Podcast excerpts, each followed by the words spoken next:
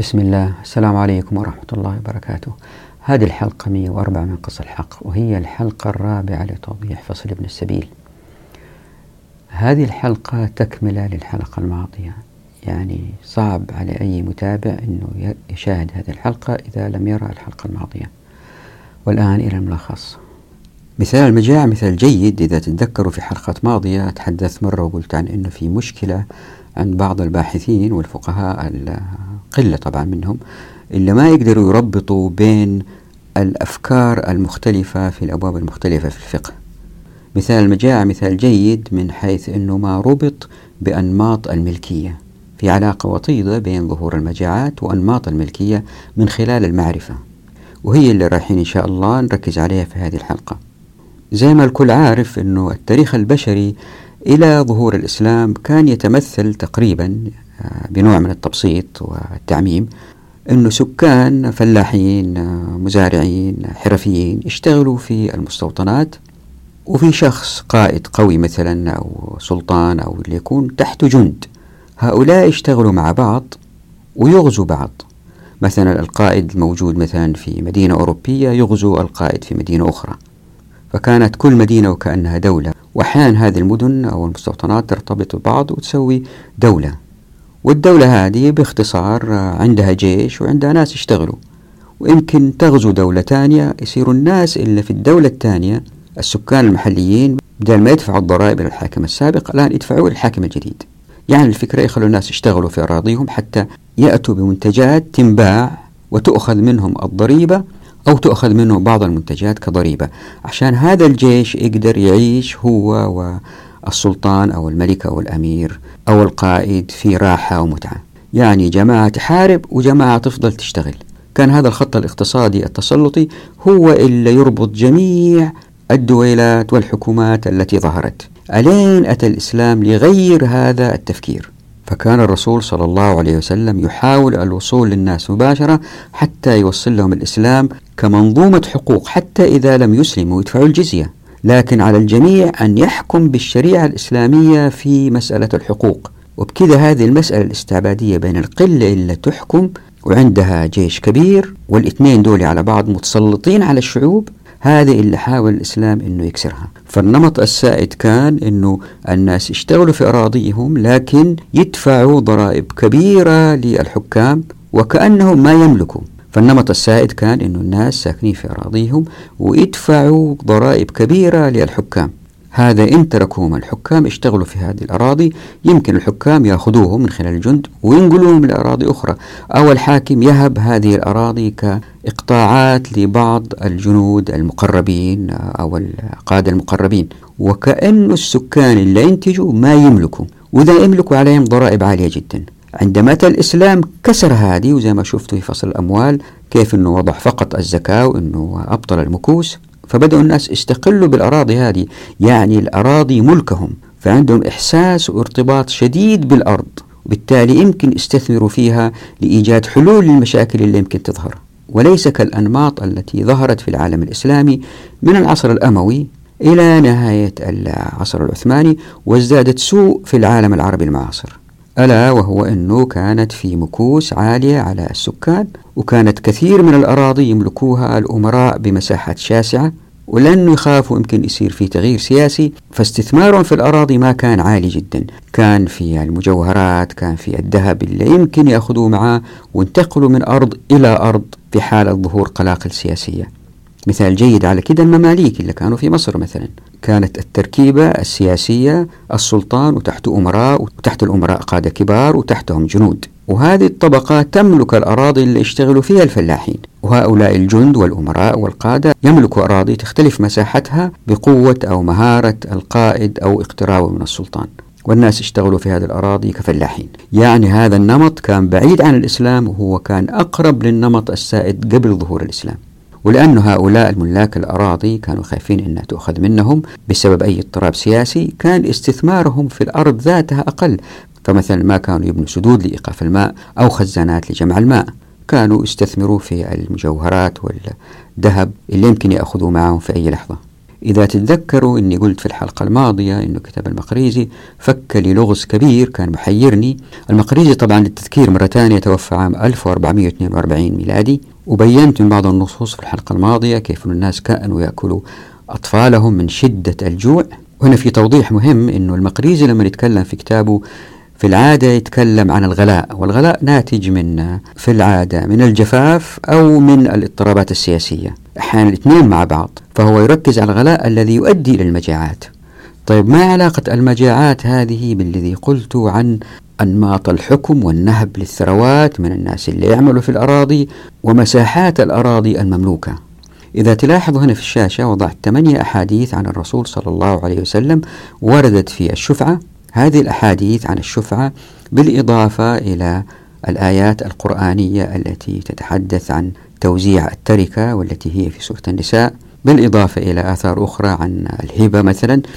هذه كلها تشتغل مع بعض وهذه موضحة في الفصل الثامن من كتاب عمارة الأرض. وهي موضحة بصور ورسومات من خلال النوازل التي وقعت في التاريخ الإسلامي ومن خلال فتاوى الفقهاء بالرجوع إلى هذه الأحاديث وهذه الآيات. ببين بالرسومات كيف أنه الشريعة تؤدي من خلال هذه الحركيات لأن هذه الأحاديث حقوق تؤدي من خلال هذه الحركيات إلى إيجاد اتزان إعجازي بين مساحة الأرض وبين عدد الملاك. يعني إذا كان عندنا وهذه وضحتها في حلقات ماضية أرض مساحتها كيلو في كيلو يملكها طفل صغير لن يستطيع القيام بها أفضل ما يكون. فهو يعتمد على آخرين يمكن يسرقوه يمكن يكون أوفياء له بس هنا في مخاطرة أنه السرقة قد تقع. لكن إذا كان أربعة خمسة أخوان يملكوا هذه الأرض الوضع يكون أفضل. بس في احتمال أنهم يختلفوا ويتخانقوا بين بعض والأرض تبقى من غير اهتمام. ففي حيثيات كثيرة تتطلب أنه يكون هناك اتزان بين عدد اللي يملكوا ومساحة الأرض أو مساحة العمارة أو القصر أو المصنع أو قيمة المصنع. هذا الاتزان هو الذي تستطيع الشريعة إحداثه بطريقة إعجازية. هذا موضوع الفصل الثامن كتاب عمارة الأرض. اللي صار لأنه في أيام المماليك ما طبقوا بعض هذه الأحاديث لأن الأراضي كانت إقطاعات. يملكها السلطان يقطعها لهذا القائد ثم لهذا القائد زعل من هذا القائد يأخذها منه يعطيها لهذا الجندي فاللي صار أنه الاهتمام بالأرض خف كثير عن أنه الناس يملكوها. فأبين أنه في مصدرين للمجاعة هما نقصان الغذاء زائد الكوارث التي تقع مثل إعصار. بعد هذه الكوارث أحيانا تظهر المجاعات. وأبين أنه في علاقة شديدة بين نواتج الكوارث وبين المعرفة. فمثلا في بورما في إعصار جاء وقتل مية ألف نسمة. بينما في إعصار كاترينا اللي كان من أعنف خمس أعاصير ضربت الولايات المتحدة الأمريكية في تاريخها مات 1833 شخص. بعد كده أبين أنه في جانبين لأي مجاعة تحدث سلوكيات الأفراد وتصرف الدولة في التعامل مع هذه المجاعة. فنلحظ من نص من كتاب المقريزي أن المجاعات كانت متباعدة في العصور الأولى للإسلام. فأول غلاء وقع أدى إلى مجاعة كان عام 87 هجرية. وبعد كده بعد 251 سنة يعني عام 338 أتت المجاعة الأخرى أو الغلاء الآخر. فتلحظ من النصوص أن الغلاء مرتبط أيضا بالإضطرابات السياسية وليس بالضرورة الجفاف. فحتى أثبت هذه الفكرة أتحدث عن كيف أن المجاعات ما ظهرت في القرى الصحراوية إلا ما فيها ماء مقارنة بمصر إلا فيها نهر النيل. من هذه المقارنة أحاول أستنتج أنه لأن سكان الصحاري ما عندهم مياه جارية فمسألة الاحتراز من الجوع جعلهم دائما يخزنوا بعض الأكل بالاعتماد على مثلا لأنه ما كانت في ثلاجات لحوم مملحة فواكه مجففة. فالمسألة بالنسبة لهؤلاء السكان في الصحراء سياسية ثم بيئية بينما هي في مصر بيئية ثم سياسية. هذه رح نوضحها. وهنا في ملحوظة أني قلت أنا وأنا بأشرح حتى ما يساء الفهم قلت أنه في أيدي عاملة كبيرة في مصر لأنها تشتغل في المزارع ولأنه في مياه فمصر كانت نقطة جذب جيدة للكثير من الأيدي العاملة. وفي نفس الوقت في أمراء يملكوا هذه الأراضي بينما في مكة المكرمة مثلا آه، في واد غير ذي زرع الأيدي العاملة في الزراعة طبعا غير موجودة يعني نسبة الفقراء أقل جدا فإذا ظهر غلاء لا يوجد هؤلاء الفقراء اللي يمكن يموتوا من الجوع. فأنبه هنا أنه مكة المكرمة ومصر كانوا تقريبا على مر التاريخ في نفس النمط من الحكم لكن الفرق هو في الأيدي العاملة. وهذا التوضيح حتى ما يفهم واحد هو بيسمع الحلقة أنه والله أنا بأقصد أنه في تركيبتين سياسيتين مختلفتين بين مكة ومصر. يعني المقصود هو عدم وجود الفلاحين في مكة. بعد كده ننظر إلى نص آخر أيضا من المقريزي إلا لجأ الناس فيه للحاكم عام 399 لما ظهر الغلاء وكانوا خايفين من المجاعة وراحوا واحتجوا عند قصر الحاكم فخرج الحاكم بحماره ومشي في السوق وهدد كل التجار. قال وأنا راجع إذا وجدت مكان ما في غذاء في محلاتكم. تجدوا الوصف إن شاء الله في وقته. سأفعل كذا وكذا وكذا. فاللي صار إنه التجار أخرجوا البضائع اللي عندهم خوفا من العقاب. يعني المسألة ليست طبيعية من الطبيعة التي خلقها الله سبحانه وتعالى لكن هي من سلوكيات الناس. قل هو من عند أنفسكم. بعد كده ننظر إلى نص آخر طويل أيضا من المقريزي إلا وضح كيف أنه كانوا التجار يبيعوا كل مية إردب ب 130 دينار ونزلها إلى 30 وكل هذه تأكيدات على أنه المسألة احتكارية وكيف أنه الحاكم أحيانا كان يختم على الأكياس إلا فيها أكل للتجار حتى ما يبيعوها للسنة القادمة أو يبيعوها الآن بالسعر الذي الذي يضعه هو وهو مربح لهم. فكانوا بعض التجار خوفا من أنه يأكل القوة السوس كانوا يضطروا ينزلوها الأسواق يبيعوها بالسعر الذي يضعه الحاكم. الواحد يمكن يقول السوس نعمة من الله سبحانه وتعالى أنه يخوف التجار من حفظ المواد الغذائية لفترات أطول حتى لا يستفحل الغلاء بالاحتكار. بعد كده نبين نص آخر وآخر ثالث ورابع وخامس. كلها تتحدث عن هذه المسألة لتأكيدها. وفي أحد النصوص يتحدث المقريز عن الأهراء وهي مؤشر جيد على كثرة الخير وهي المكان الذي تجمع فيه الغلات من التجار اللي ما يعرفوا يبيعوها فين يروحوا هناك يبيعوها للسلطان والسلطان يضعها في مخازن كبيرة اسمها الأهراء لا تفتح إلا أوقات الاضطرابات. يعني الخير كثير جدا في مصر لكن اللي صار أنه ما كانوا يحكموا بالشريعة فكانت تظهر هذه المجاعات. وكانوا الناس يموتوا من المجاعات لدرجة أنه في بعض الأحيان من كثرة الموتى ما في فلاحين كانوا الجنود يقوموا بأعمال الفلاحة يعني الحرث والزرع. هنا في توضيح مهم اللي ما يشوف الحلقة أنه يمكن يقتنع الواحد أنه التسعير اللي كان يقوم فيه الحاكم وإرغام التجار على البيع كان يحل الإشكالية ويبعد الغلاء وبالتالي المجاعة. لاحظوا أن هذه حلول ترقيعية لوضع غير سليم لذلك تشتغل جزئيا لكن تؤدي إلى تكريس السلطة في أيدي السلاطين والحكام. الشريعة لديها طريق آخر من حيث الحركيات تؤدي إلى توفر السلع دائما في الأسواق من غير الاضطرار إلى التسعير وبالتالي لا تتركز السلطة في أيدي السلطات. فالشريعة تضع حركيات تؤدي إلى التوافر المستمر للمواد الغذائية في الأسواق. من خلال فتح أبواب التمكين وهذه يأتي تفصيلا إن شاء الله في الموارد والموافقات والمعرفة. إحنا لازلنا في كل هذه الفصول نتحدث عن الموارد. لكن لأن الشريعة لم تطبق ظهرت سلوكيات للدول في التعامل مع هذه المجاعات. تتذكروا في الأول قلت في جانبين تصرف الدولة زائد سلوكية الأفراد. بعد كده ركز على سلوكية الأفراد ونتحدث عن قوله تعالى بسرعة خصاصة في قوله تعالى ويؤثرون على أنفسهم ولو كان بهم خصاصة ثم تحدث سريعا أيضا عن كلمة مسغبة في قوله تعالى أعوذ بالله من الشيطان الرجيم أو إطعام في يوم ذي مسغبة. فأبين أن الإسلام يحارب المجاعة من خلال حركيات لن تؤدي إلى النضوب زائد تهذيب النفوس. وحتى أوضح المسألة أكثر أذكركم بالفرق بين الحركيات والقيم اللي إحنا مستمرين عليها من أول الكتاب وأن كتاب قص الحق يركز على الحركيات وأن الحركيات في الشريعة لمحاربة هذه المسألة ولإيجاد عدل بين الناس يؤدي إلى اتزان بين الملاك ومساحات الأراضي أو أحجام العقارات يؤدي إلى أن الناس دائما استثمروا في ممتلكاتهم لأن هي الغريزة التي وضعها سبحانه وتعالى في الأفراد حتى يتعاملوا بلطف مع اللي يملكوه حتى يستمر لهم أكثر ويستفيدوا منه أكثر.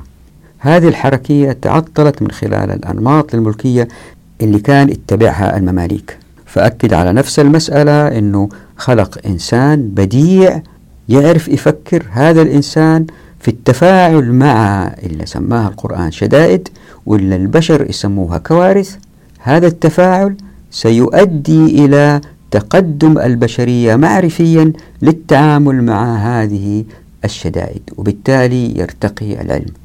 ففي هذا الوضع في ظهور الغلاء في مصر بسبب اضطرابات سياسية زائد نقصان النيل لم تظهر المعرفة للتعامل مع هذه الإشكالية برغم أنهم كانوا يعرفوا أنه النيل سينقص من منبعه وهو يأتي بالتدريج وليس كالإعصار الذي يقتلع الناس ويأتي فجأة فهذا عذاب مثل البركان الذي ضرب مدينة بومبي في إيطاليا وأخذهم فجأة. هذا نعم عذاب هذه كوارث لكن التي هي كسنن كونية وتأتي بالتدريج مثل منطقة نعرف أنه يأتيها سونامي كل 30-40 سنة مثلا مثل النيل الذي ينقص كل عشرات السنين. ممكن نتوقع حدوثه. مفروض البشر يستعدوا لهذا من خلال التصارع مع هذه أو التعامل مع هذه الشدائد فترتقي المعرفة وبالتالي تزول هذه الشدائد. هذه الحركية التي تؤدي إلى استثمار الناس في أراضيهم والبحث عن حلول لبناء سدود أو خزانات للتعامل مع الشدائد أوقفت ليه؟ لأنه اللي يشتغلوا في الأرض فقراء جدا وما يقدروا يستثمروا فيها وهم عارفين أنهم هناك يوم بيوم وما يملكوا الأرض هذه فيمكن يخرجوا منها في أي لحظة لأنه يجي الأمير أو القائد أو يخرجهم منها ونفس الشيء الأمير أو القائد ما هو مهتم كثير ليه؟ لأنه يمكن بكرة ينقلب عليه السلطان ويسحب منه هذه الأراضي وهذا الأمن الخوف وهذا الاستقرار وهذه الطمأنينة بالعيش على الأرض الذي توجد حركيات الشريعة توقف وبالتالي كان أقل غلاء يؤدي من خلال الاحتكار إلى ظهور المجاعات. بعد كده تحدث عن طاعون عمواس واللي الرسول صلى الله عليه وسلم أمر المسلمين بالتفرق إذا كان في طاعون وأمرهم عدم الدخول والخروج من المناطق الموبوءة. وضح أنه كيف طاعون عمواس هو ابتلاء للمسلمين واللي يموت يموت شهيد إن شاء الله بإذن الله. وبالنسبة لغير المسلمين اللي يتهم الله سبحانه وتعالى أنه ما هو رازق رزاق كريم جواد معطي وأنه هذه المسائل موجودة في الطبيعة إلا ما تفكر وبالتالي هي كوارث بالإحصائيات. أبين لهم اللي ذهبوا إليه هو خطأ. ليه؟ لأني سأضع إحصائية ورابطها أسفل الشاشة يعني في صندوق الوصف عن المياه الملوثة في الكرة الأرضية وكيف أنه عدم وجود المياه النقية كم يقتل من الناس. إحصائيات حلوة شوفوها. والاستنتاج أنه المعرفة البشرية اللي بيتغنوا فيها غير المسلمين والعلمانيين وأنه هي السبيل إلى خروج البشرية من هذه الكوارث أنه هذه الفكرة مرتبطة بالنظام الطبقي. فالمعرفة رائعة وتؤدي إلى تقدم البشرية إذا اشتغلت في ظل مقصوصة الحقوق لأنها تؤدي إلى تزيين الكرة الأرضية وإلى سعادة البشرية بينما في النظام الرأسمالي الحالي يمكن يؤدي إلى القنابل النووية أو يؤدي إلى قتل الناس بطريقة ناعمة من غير توفير المياه الصالحة للشرب لهم. ولأنه مسألة المجاعة هذه مهمة وهي تشكك المسلمين في عقيدتهم. لابد أن نعطيها حلقات أخرى إضافية في الحديث عن الندرة النسبية لنثبت أن الموجود في الكرة الأرضية أكثر بكثير مما يحتاجه البشر. وبالتالي ليست هنالك حاجة لتقنين هذه الموارد وإيقاف استهلاكها من البشر لأنه نفس هذه الفكرة هي التي تؤدي إلى الاحتكار وبالتالي الطبقية وهي التي تؤدي إلى استهلاك أكثر من الموارد من خلال انتشار الكماليات اللي يمكن ما يحتاجها البشر وليس التركيز على الضروريات مثل هذا الماء الذي يحتاجه الناس اللي وضحتها في آخر الحلقة من الإحصائيات اللي تبين كم من الناس بيموتوا بسبب قلة الماء النقي للشرب. ناهيكم عن توفر دورات المياه والنظافة وما إلى ذلك. والآن إلى التوضيح. كنا في الحلقة الماضية تحدثنا عن الموزون وقلنا أنه أقوال الفقهاء في الأوجه الأربعة كلها تشير إلى أنه الله سبحانه وتعالى خلق في الكرة الأرضية ما يكفي الناس. طيب الآن هل هناك تعارض بين الله قالوا المقريز أن الناس يأكلوا أطفالهم وبين جود الله وكرمه وعطائه يمكن واحد يقول اللي قال المقريزي في نوع من المبالغة لأنه بعض المؤرخين كانوا يبالغوا. لكن اللي ينظر للكرة الأرضية الآن الآن في مجاعات الناس بيموتوا الآن. إذا تنظر إلى الإحصائيات كيف أنه بالتدريج لكن هم ما تجي فجأة واحدة زي اللي بيصير إذا كان في فيضان أو إذا كان في جفاف لكن بالتدريج على طول في وفيات في الكرة الأرضية من الجوع. أو من نقص المواد الغذائية. فمثلا سنة 1428 ربيع الآخر لما كنت بكتب سعر الرز في بلاد الحرمين تضاعف وبعدها بكم أسبوع أيضا زاد. طيب السؤال هنا هل هذه الزيادات اللي تحدث فجأة مبررة بأنه لأنه حجم الأراضي اللي تنتج رز مثلا كانت قد كده وفجأة صارت قد كده ولا في سبب آخر؟ نضرب مثال آخر لما إعصار كاترينا ضرب نيو أورليانز وكانت ضربة جامدة وتدمير جامد ما ماتوا ناس كثير لأنه مع المعرفة كانوا متطورين وقدروا ينقذوا الناس. لكن لما إعصار ضرب بورما وهي دولة متخلفة مية ألف شخص مات وكان هذا عام 1429 هجرية. وفي المقابل السونامي اللي ضرب فوكوشيما في اليابان اللي كان فيها مفاعل نووي هذا السونامي لم يقتل الكثير بسبب السونامي لكن بالتأثير من الشرخ اللي صار في المفاعل النووي. واليابانيين يعرفوا أنه تقريبا كل خمسين سنة يجي سونامي زي هذا. طيب ليش بنوا هناك هذا المفاعل النووي؟ كانوا واثقين جدا من تقنيتهم العالية ومن بنائهم المتقن. لذلك قالوا في الغالب لن يتأثر هذا المفاعل النووي بالسونامي أو أي شيء آخر. فاللي صار أنه الآن المنطقة ملوثة بالإشعاعات النووية فمع الزمن بالتراكم المعرفي البشرية تعرف إيش اللي يمكن يحدث في هذه المنطقة وكمان يروحوا يسكنوا في هذه المناطق أو حتى يبنوا مفاعل نووي. فالكوارث إذا هي ترتبط بالمعرفة والتقدم التقني والمعرفي الإنسان. هل نعتبرها كارثة أو نعتبرها من الشدائد لأنه نتوقع حدوثها ونستعد لها. يعني في دورات كونية في الكرة الأرضية زلازل تقع أعاصير تأتي. هذه سيكون تأثيرها شديد إذا كان المجتمع متخلف. لذلك قل هو من عند أنفسكم. وبالذات إذا كان لم يطبقوا الشريعة يعني عندنا تقدم تقني وعندنا تطبيق مقصوصة الحقوق اللي صار في عصر المماليك ويمكن واحد يقرأ عنها يعني هي من أكثر الدول التي لم تطبق الشريعة. يعني كان توزيع الثروات فيها بعيد جدا عن الشريعة. كان السلطان تحت أمراء والأمراء هذول عندهم فرسان وكل واحد عنده قطعة أرض والأمير هذا عنده قطعة أرض. والناس اللي اشتغلوا في الأرض يعطوهم الغلة. موضوع طويل إلا, إلا باختصار أنه الملاك للأراضي كان عندهم خوف وعدم استقرار إنه إذا صار انقلاب سياسي أو صار أي شيء فالأرض يمكن تذهب منه. فكانوا هؤلاء الأمراء آه، يخزنوا بعض الأموال لإحتمال آه، تغير السلطان إحتمال سياسي غير متوقع. فما كانوا يستثمروا في الأرض في تقنيات تخلي الأرض تعيش معهم ولأحفادهم مئات السنين. بينما اللي بيشتغلوا في الأرض ويزرعوا ويحصدوا وينتجوا فلاحين والفلاحين كانوا يأخذوا أقل القليل حتى يعيشوا. يعني كانت في طبقة كادحة ما عندها ما يكفي حتى آه، تخزن بعض المحصول للسنة القادمة أو عندها آه، ممتلكات تبيعها تشتري فيها محصول. فكان في طبقية واضحة جدا وهدول الأثرياء كان جزء من سياستهم أنهم يجمعوا بعض الأموال ويبنوا فيها مخازن ويخزنوا فيها بعض المحاصيل. وكانت في علاقات بين الأمراء وبين التجار وبعضهم يشتغلوا الأمراء ويخزنون لهم أشياء. فكانت المحاصيل في أيدي هؤلاء الطبقة العليا. فعندما يحسوا أنه في والله فيضان قادم أو في جفاف قادم إيش اللي بيصير؟ يصير نوع من الاحتكار لهذه السلع وتزداد الأسعار وتكون بعيدة عن متناول هؤلاء الفقراء ويزداد بالتالي الفقر. لا تنسوا أنه الكوارث هذه مثل التي تقع في مصر من نهر النيل هي ليست فجائية هي بالتدريج تأتي وتأتيهم الأخبار أنه في جفاف.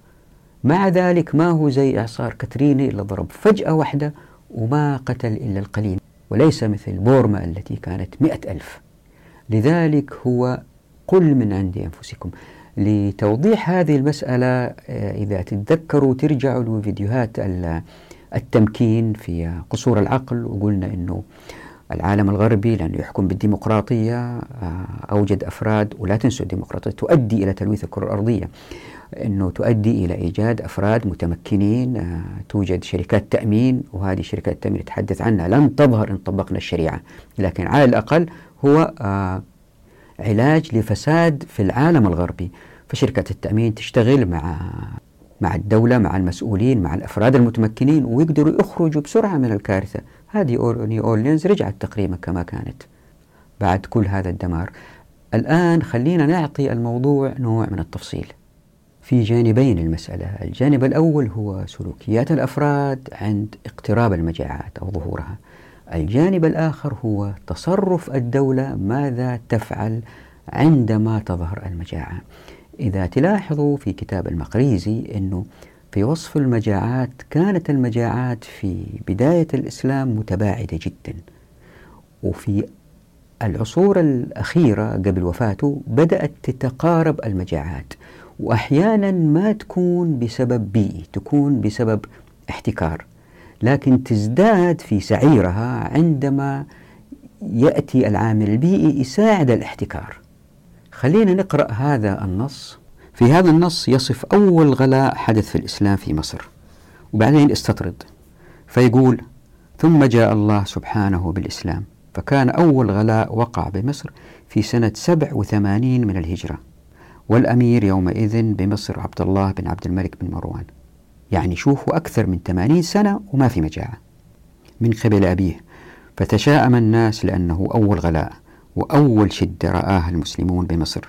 ثم وقع الغلاء في الدولة الإخشيدية في محرم سنة 38 وثلاثمائة والأمير يومئذ أبو القاسم أنوجور بن الإخشيد. فثارت الرعية ومنعوه من صلاة العتمة في الجامع العتيق. يعني شوفوا الفرق قديش الآن سنة 338 يعني أكثر من 200 سنة بين المجاعة الأولى والثانية. ثم وقع غلاء في سنة 41 و300 341 هجرية. طبعا ما في حاجة أني أقرأ كل النص حتى نوفر وقت لكن إذا حب أحدكم يوقف الشاشة ويقرأ. وبعد كده جاء غلاء آخر وكان عظيم سنة 343 للهجرة. وثاروا الناس وكسروا منبر الجامع. بعد كده جاء غلاء آخر واستمر تسع سنين متتابعة ابتداء من سنة 352 هجرية وأنه ماء النيل انتهت زيادته إلى 15 ذراعا وأربع أصابع وأنه السلع اللي كانت بدينار صارت بثلاثة دنانير. وبعد كده مات كافور وصارت في اضطرابات وفتن وقتل ومقتول بين الجند والأمراء. وانتهبت أسواق البلد وأحرقت مواضع عديدة فاشتد خوف الناس وضاعت أموالهم وتغيرت نياتهم وارتفع السعر وتعذر وجود الأقوات. وبعد كده جاء غلاء آخر أيام الحاكم بأمر الله وكان سنة 387 هجرية وكان بسبب قصور النيل. وبعد كده سنة 395 أيضا جاء جفاف شديد. اللي يقرأ كتاب المقريزي يلحظ أنه بالتركيز على المجاعات أن المجاعات في الفترة الأخيرة قبل وفاته كانت تتقارب لدرجة أنها آه، في أقل من عشر سنين بينما أول مجاعة ظهرت على المسلمين بعد عهد الرسول صلى الله عليه وسلم كانت في آخر المئة الأولى. وبعدها بأكثر من 200 سنة ظهرت المجاعة الثانية. بعدين في الأخير بدأت تتقارب. إذا الإشكالية هي في عدم تطبيق الشريعة التي أدت إلى نوع من الاحتكار ومن التلاعب. هذا الاستنتاج يتأكد أكثر إذا كان قارنا وضع مصر اللي فيها النهر بيجري مع قرية صحراوية القرى الصحراوية يندر أنه نسمع عنها أنه جاتها مجاعة ليه؟ لأن السكان عارفين أنهم في منطقة صحراوية وبيعتمدوا أكثر على الغذاء اللي يخزنوه لأنه يمكن ما تنزل أمطار أو يصير قلق سياسي يسكر عليهم الطريق اللي يجيب لهم الأكل. فبالتالي كانوا يعتمدوا على المواد اللي تتخزن مثل اللحوم المملحة مثل الفواكه المجففة فبالنسبة لسكان الصحراء أنه المسألة سياسية أولا ثم هي بيئية. بينما السكان مصر كانت المسألة بيئية أولا ثم سياسية. يعني كانوا لأنهم ما, طبقوا الشريعة وكانوا في فقراء كثير وكانوا يشتغلوا ويا دوب آه، لديهم القليل اللي يكفيهم لللبس وكذا وما عندهم مخازن يخزنوا فيها أكل ما هم متعودين ما عندهم أعراف خزن الأكل لأنه شايفين النهر جاري وشايفين الخيرات في المزارع.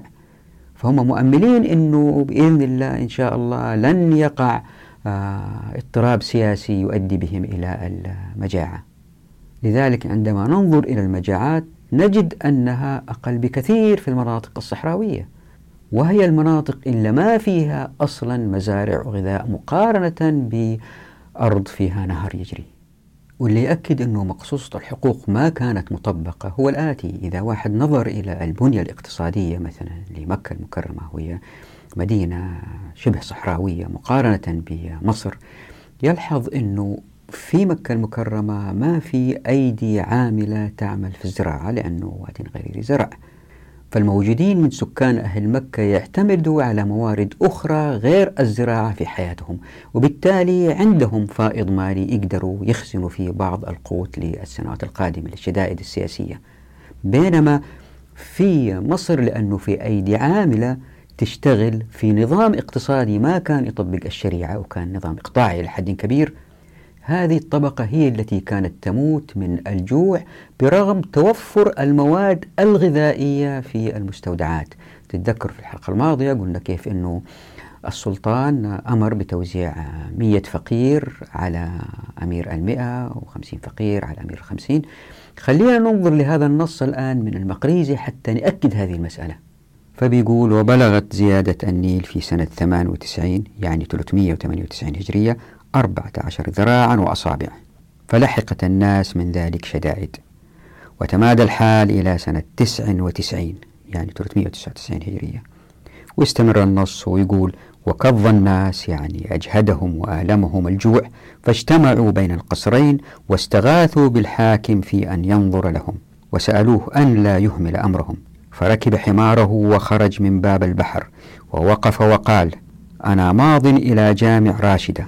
فأقسم بالله لئن عدت فوجدت في الطريق موضعا يطأ حماري مكشوفا من الغلة لأضربن رقبة من كان يقال لي أن عنده شيئا منها ولأحرقن داره وأنهبن ماله.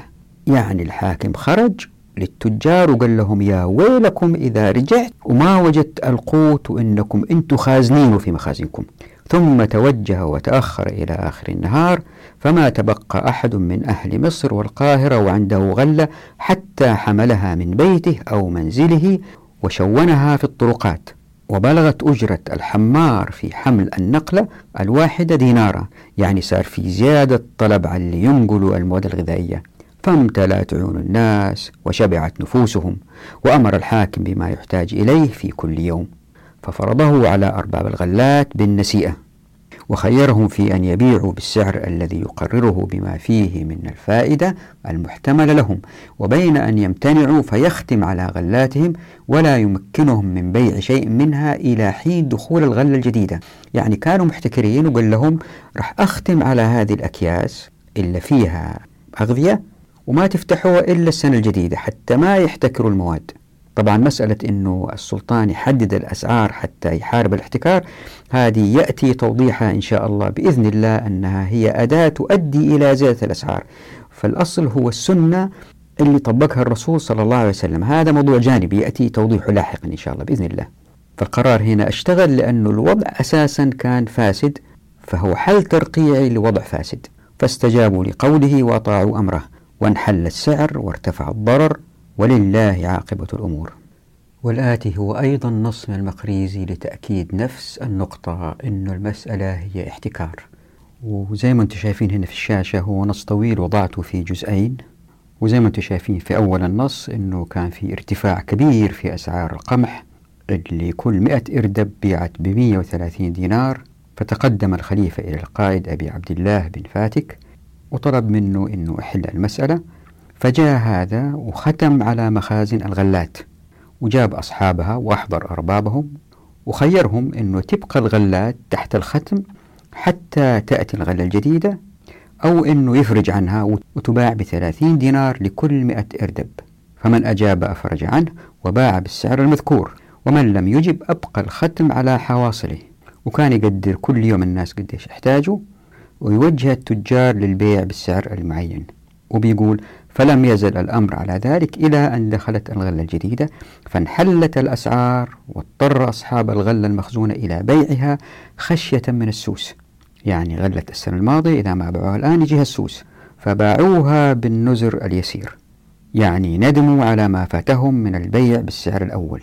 بعدين احكي أيضا قصة غلاء شنيع وقحط ذريع أيام الحافظ لدين الله ووزارة الأفضل بن وحش. وتم تأديب بعض المحتكرين وأترككم هي تقرؤوها لكن ليتكم تركزوا على الأهراء.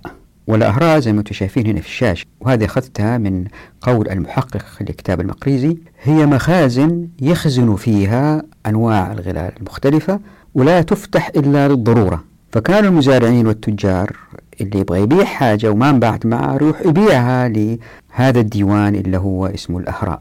يعني الغلال كانت كثيرة جدا وتكفي الناس والتجار وفي فائض يذهب إلى السلطان يخزن تحسبا لطوارئ مستقبلية. وتلحظ في هذا النص المقريزي إشارة إلى كثرة المخزون عند السلاطين ولا من حولهم من الأمراء والأثرياء وكيف أن بعض التجار تأثروا جدا لكساد بضاعتهم لاحتكارهم لها وعدم تمكنهم من بيعها في الوقت المناسب. يعني أثناء المجاعة بسبب جشعهم لأنه أتوقع أنه بزيادة المجاعة يرتفع السعر أكثر. فاللي صار أعتراها السوس. فيقول واستمر النيل ثلاث سنين متوالية لم يطلع منها إلا القليل فبلغ الإردب من القمح إلى ثمانية دنانير وأطلق العادل للفقراء شيئا من الغلال وقسم الفقراء على أرباب الأموال وأخذ منهم اثني عشر ألف نفس وجعلهم في مناخ القصر وفاض عليهم القوت وكذلك فعل جميع الأمراء وأرباب السعة والثراء وكان الواحد من أهل الفاقة إذا امتلأ بطنه بالطعام بعد طول الطوى سقط ميتا. وزي ما تشافين هنا يصف حال مصر كيف كانت وكيف الناس كانوا يموتوا. ولما بدأ النيل يرجع بالماء من كثرة الموتى لم يجدوا من يقوم بالزراعة فخرج الأجناد بغلمانهم وتولوا ذلك بأنفسهم. بالتالي لم تزرع أكثر المناطق لعدم وجود الفلاحين وعدم وجود الحيوانات التي تشتغل معهم. فبيقول في آخر النص فلما وقع الرخاء ساست أي اعتراها السوس كلها ولم ينفع بها فرماها. وهنا أيضا أضاع نص مهم بيشير فيه المقريزي إلى كثرة الخير حتى أثناء المجاعة وموت الناس. فبيوضح اللي عند السلطان من أموال. فبيقول وخلت الضياع من أهلها حتى أن القرية إن كان بها مائة نفس لم يتأخر بها إلا نحو العشرين وكان أكثرهم يوجد ميتا في مزارع الفول لا يزال يأكل منه إذا وجده حتى يموت ولا يستطيع الحراس ردهم لكثرتهم ومع ذلك زكت الغلال في الكيل أضعاف المعهود. ولقد كان للأمير فخر الدين ألطنبغا المساحي من جملة زرعه مائة فدان فول. أرجو أني ما أكون أقرأ الأسماء خطأ يعني. طبعا الواحد يقدر يبحث في النت ويشوف التشكيلة لهذه الأسماء طبعا تأخذ وقت يعني فأرجو المعذرة. فهذا اللي اسمه فخر الدين. ما منع الناس يأكلوا من الفول اللي عنده في مزارعه. لم يمنع أحدا من الأكل منها في موضع الزرع. وما مكن أحد أنه يشيل من هذا الفول لنفسه. يجي يأكل معليش لكن يشيل لا. وتلاحظوا في النص أنه يبين أنه تكون تل عظيم من القشر من الفول اللي أكلوه الناس. وزي ما أنتم شايفين في الوصف إنه ما وجدوا فولة واحدة في هذه الكومة الكبيرة لأن الفقراء أكلوها كلها. وبعد كده استخدموها كتبن واللي كانت في مجموعة 760 إردب. وهنا لابد أني أشير إلى أنه الأزمة حلت جزئيا بتدخل السلطان وبكرم بعض الأمراء وبتدخل الدولة في فرض الأسعار. لكن هذه الحلول كلها لا تنبع من الشريعة فهي حل مؤقت لإشكالية. ويمكن تشتغل آه، جزئيا وليس بكفاءة عالية لأنه بعض الموظفين عند السلطان يمكن يفوتوا بعض الأمور بعض التجار ويمكن بعض الناس ما ينسحبوا للعمل في التجارة وهم أكفاء لهذا العمل وعندهم أمانة عالية. والسبب في ذلك أنهم يخافوا من الاحتكارات التي تفرض الدولة. ومسائل أخرى إن شاء الله يأتي تفصيلها في فصل الفصل الوصل والبركة والموافقات. فهذا حل ترقيعي لوضع متأزم وأنا ذكرته هنا فقط حتى أثبت أنه الموجود من أكل يكفي الناس وزايد. فاللي صار أنه بالاحتكار بعضه كان يخزن وبعضه كان يسوس للسنة القادمة ويرمى.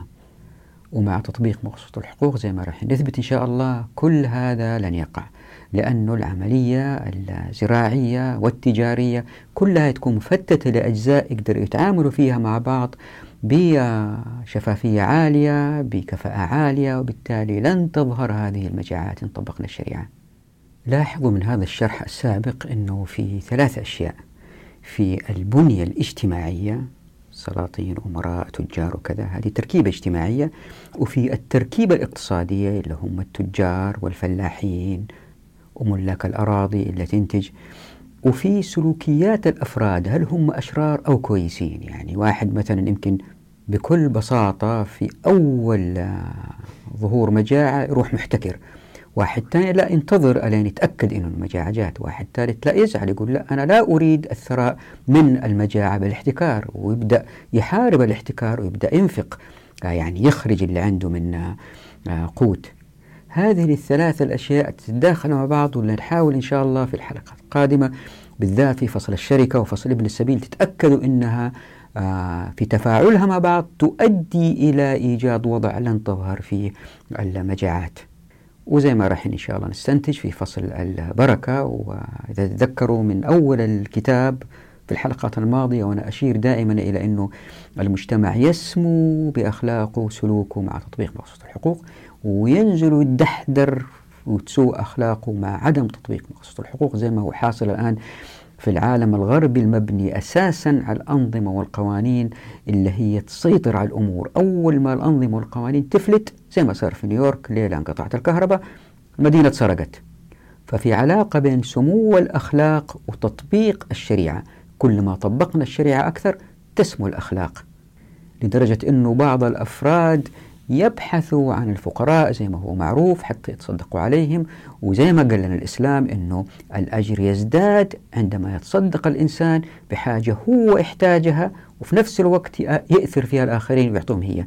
كما في قوله تعالى أعوذ بالله من الشيطان الرجيم والذين تبوؤوا الدار والإيمان من قبلهم يحبون من هاجر إليهم ولا يجدون في صدورهم حاجة مما أوتوا ويؤثرون على أنفسهم ولو كان بهم خصاصة.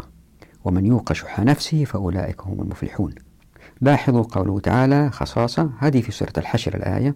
وهذه الآية مرينا عليها وتحدثنا عنها في الحديث عن الأراضي وسواد العراق. فالخصاصة تعني الفاقة. ولاحظوا أيضا كلمة مسغبة اللي تعني مجاعة في قوله تعالى في سورة البلد. أعوذ بالله من الشيطان الرجيم.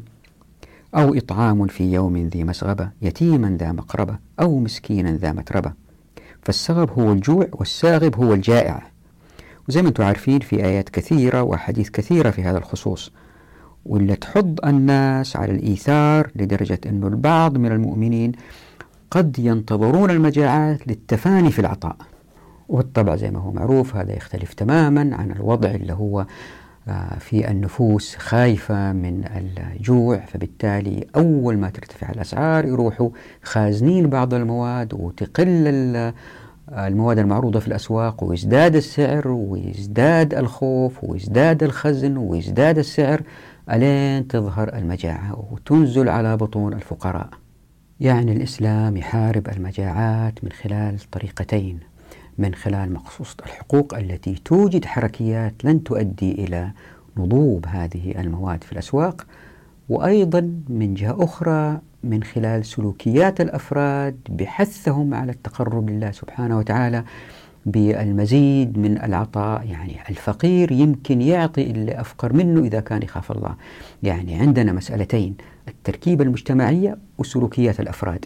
التركيبة المجتمعية هذه يزيد الأفراد فيها عطاء كل ما طبقنا الشريعة أكثر. لكن هذا لا يعني أنه في أفراد حتى إن كان السلطان جائر وحتى إذا كانت البيئة الإسلامية ليست كما يجب في أفراد عطاءهم جدا مرتفع. هذه نشوفها الأيام هذه في مثلا كثير من الأثرياء ينفقوا ينفقوا في ظل أنظمة آه، لا تحكم بالشريعة.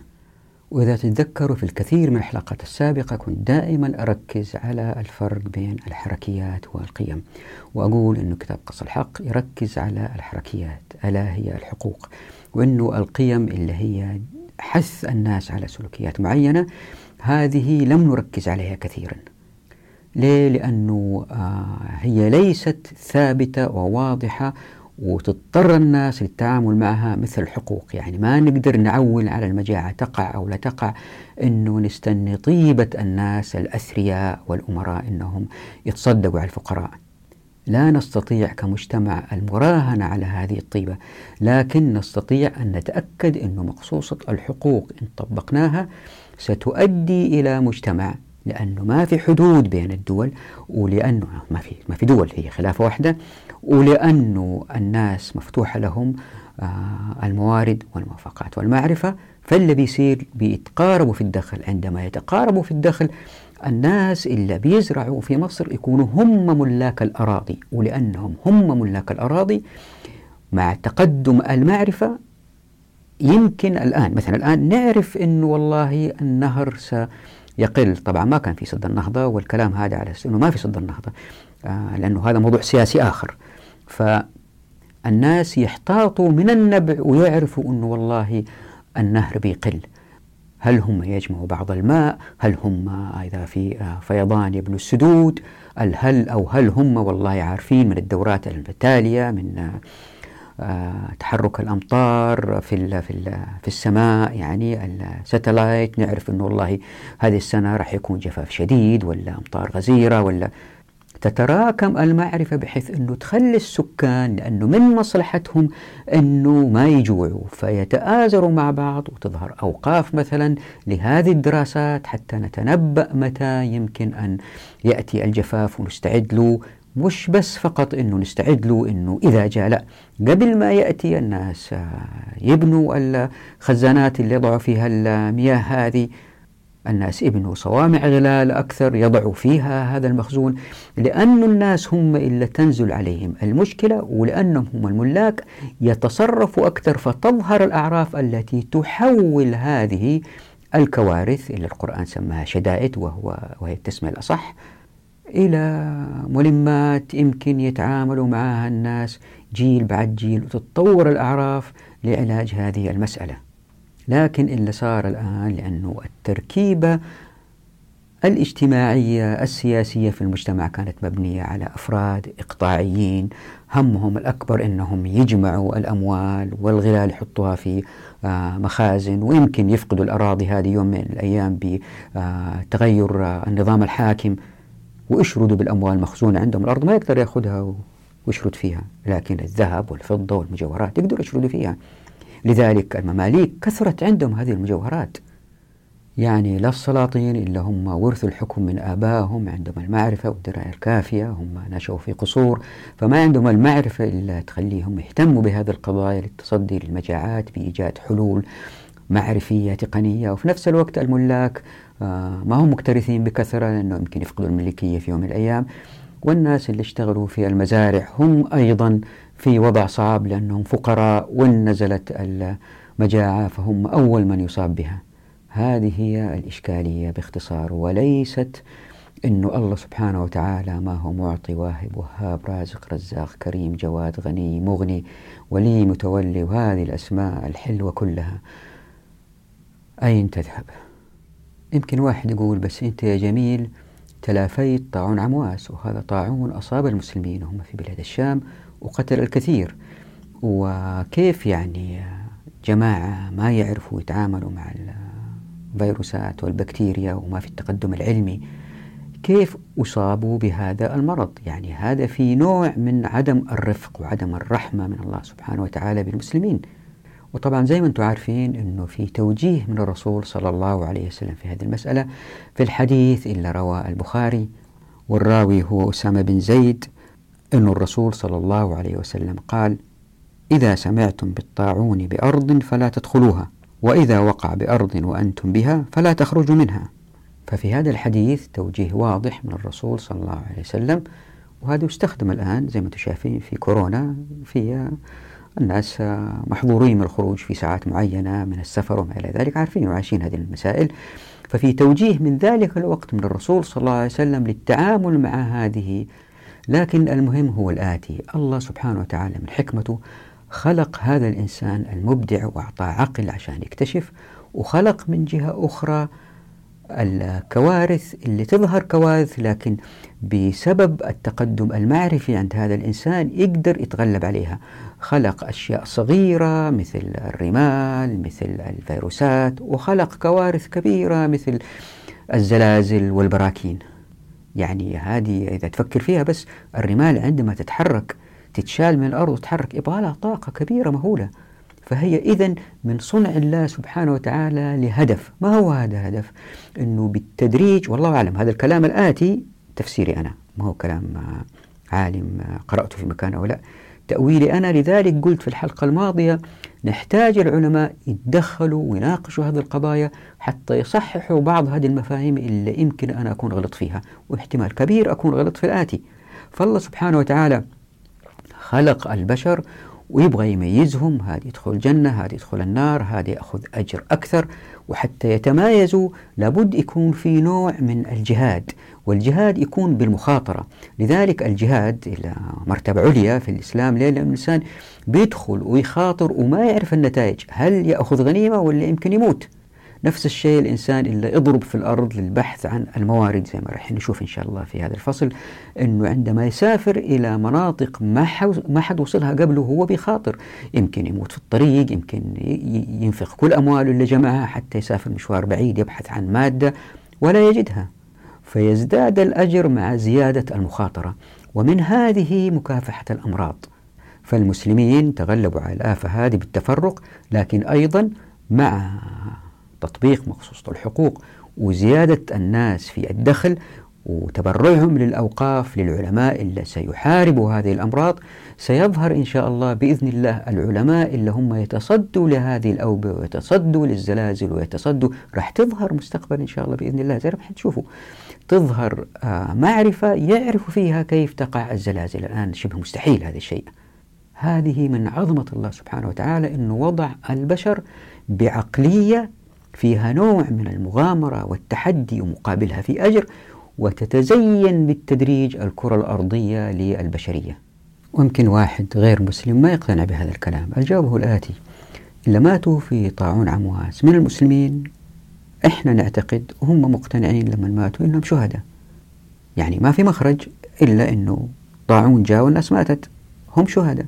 وإحنا نؤمن برحمة الله سبحانه وتعالى لذلك إن شاء الله يقبلهم شهداء.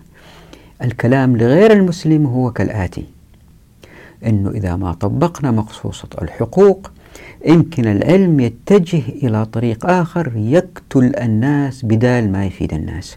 فمع تطبيق مقصوصة الحقوق حتى يعني هم إذا كان حكموا بالشريعة حتى لو ما كانوا مسلمين لأنه ما في احتكار ولأنه آه أبواب التمكين مفتوحة في الموارد والموافقات والمعرفة إلا بيصير أنه الناس يتقاربوا في الدخل وعندما يتقاربوا في الدخل تتجه المعرفة لخدمة الناس الأكثر اللي هم متقاربين في الدخل. وليس كالآن لأنه في طبقية تتجه المعرفة لخدمة من بيده المال. يعني يمكن واحد يقول لي بس أنت جميل يعني بتقول أنه العلم في مخاطرة وفي مكسب آه، دنيوي وفي أجر أخروي إذا كان الناس يخافوا الله سبحانه وتعالى والعمل لله سبحانه وتعالى وهذا أصلح. أهو شوف العالم الغربي الآن بينتجوا الأدوية والمستحضرات وكل حاجة وهم يبحثوا عن ربح مالي والبشرية بتزداد سعادة. أقول لا أنت شايف الإعلام اللي بيضلل الناس كلهم أنت شايف الوضع في العالم الغربي عند الأكثرية اللي هم مرتاحين وما أنت شايف الصورة الواضحة بالضبط. لأن الصورة الواضحة أنه العلم بيتقدم في مجالات تقتل الآخرين. شوفوا هذه الإحصائيات اللي وضعتها هنا على الشاشة وهي حقائق عن نقصان الماء لدى الفقراء. فبكل التقدم العلمي وبكل هذه الأمطار والثلوج وبكل هذه المياه اللي في البحار اللي يمكن تتحلى 784 مليون نسمة في العالم من غير ماء. يعني ضعف سكان الولايات المتحدة الأمريكية ما عندهم ماء في الكرة الأرضية. فشوفوا العلم كيف أساء للبشرية لأنه في طبقية. النقطة الثانية تقول أنه الناس اللي يموتوا بسبب الماء غير النقي هم أكثر في عددهم من جميع أعمال العنف بما فيها الحروب. النقطة الثالثة تقول أنه 2 بليون شخص يعني واحد من كل أربعة من سكان الكرة الأرضية ما عنده دورة مياه. والنقطة الرابعة بتوضح أنه الأمراض الناتجة من شرب الماء غير النظيف والذي يؤدي إلى الإسهال يقتل من الأطفال اللي عمرهم أقل من خمس سنين أكثر من مجموع اللي يقتلوا الملاريا والإيدز والحصبة. والنقطة الخامسة تبين أن الإسهال يقتل طفل كل 60 ثانية. النقطة السادسة تبين أنه 22% من المرافق الصحية في الدول المتخلفة ما عندها ماء نقي للشرب النقطة السابعة تبين أنه في جنوب الصحراء الكبرى في أفريقيا النساء والبنات يقضوا أكثر من 40 بليون ساعة عشان يحصلوا على الماء. النقطة العاشرة بتقول أنه إذا كان البشرية استثمرت دولار واحد في الحصول على ماء نقي راح تسترجع من 5 إلى 28 دولار من هذا الاستثمار. وذلك بسبب ازدياد النشاط الاقتصادي وتخفيض تكاليف الأمراض. ويمكن واحد يقول بس أيوة هذه دول متخلفة اللي عندها الإحصائيات. أوروبا عندها مياه أمريكا الشمالية عندها مياه أستراليا وهذول متقدمين جدا. إيش ذنب البشرية في التقدم المعرفي؟ وإيش ذنب الديمقراطية إذا كان هذا حال اللي في الجنوب وما يفهموا؟ الجواب هو الآتي. المسألة تدور. يعني الحضارة الغربية هذه صح ترجع يوم من الأيام وتصير متخلفة. وأفريقيا يمكن يأتي زمان وستكون من أثرى الدول في العالم لأنه فيها موارد والناس يستيقظوا من هذا الاستعمار اللي هم فيه. فما نحكم على مخصوصة الحقوق أو منظومات الحقوق من خلال قرن قرنين لا ننظر للتاريخ كله. واللي شايفينه الآن أنه العالم الغربي بمنظومات حقوقه هذه بيلوث الكرة الأرضية. فإذا عاشوا كل في جنوب الكرة الأرضية زي اللي في الدول المتقدمة صناعيا اللي بيصير أنه الكرة الأرضية ستتلوث ولن تحتمل نحن نريد نظام أو مقصوصة حقوق اللي هي الشريعة تؤدي إلى الازدهار البشري من غير تلويث الكرة الأرضية. طيب واحد يقول إيه بس أنت جميل اخترت مثال من مصر وظهرت في مجاعات وعممت. هذا هو موضوع الحلقة القادمة إنه اللي هو الندرة النسبية إنه الموارد في الكرة الأرضية أكثر بكثير مما يكفي البشر وأنه الغرب أفتعل هذه القصة. ما أدري هو أفتعلها كمؤامرة ولا هو ورط فيها ما أدري. هذا موضوع ثاني ويأخذ مباحث ما نبغى ندخل فيه. الحاصل أنهم قيدوا موارد الكرة الأرضية بالأنظمة والقوانين لأنهم قالوا أنه موارد الكرة الأرضية فيها ندرة نسبية. ندرة نسبية يعني تقل مع الزمن ويمكن تنتهي والطلب عليها يزيد. وهذا موضوع الحلقة القادمة إن شاء الله عن الندرة النسبية حتى نثبت أنه ما في ندرة نسبية وأنه الله سبحانه وتعالى الكريم المعطي الواهب الوهاب الرازق الرزاق المحسن الغني المغني أوجد موارد في الكرة الأرضية تكفي البشر وأكثر وأكثر. لكن البشر لم يطبقوا الشريعة فظهرت الكوارث اللي كان يمكن تتحل وظهرت الآفات والأمراض اللي كان يمكن يعالجها البشر. نقف هنا نراكم على خير في أمان الله ودعواتكم.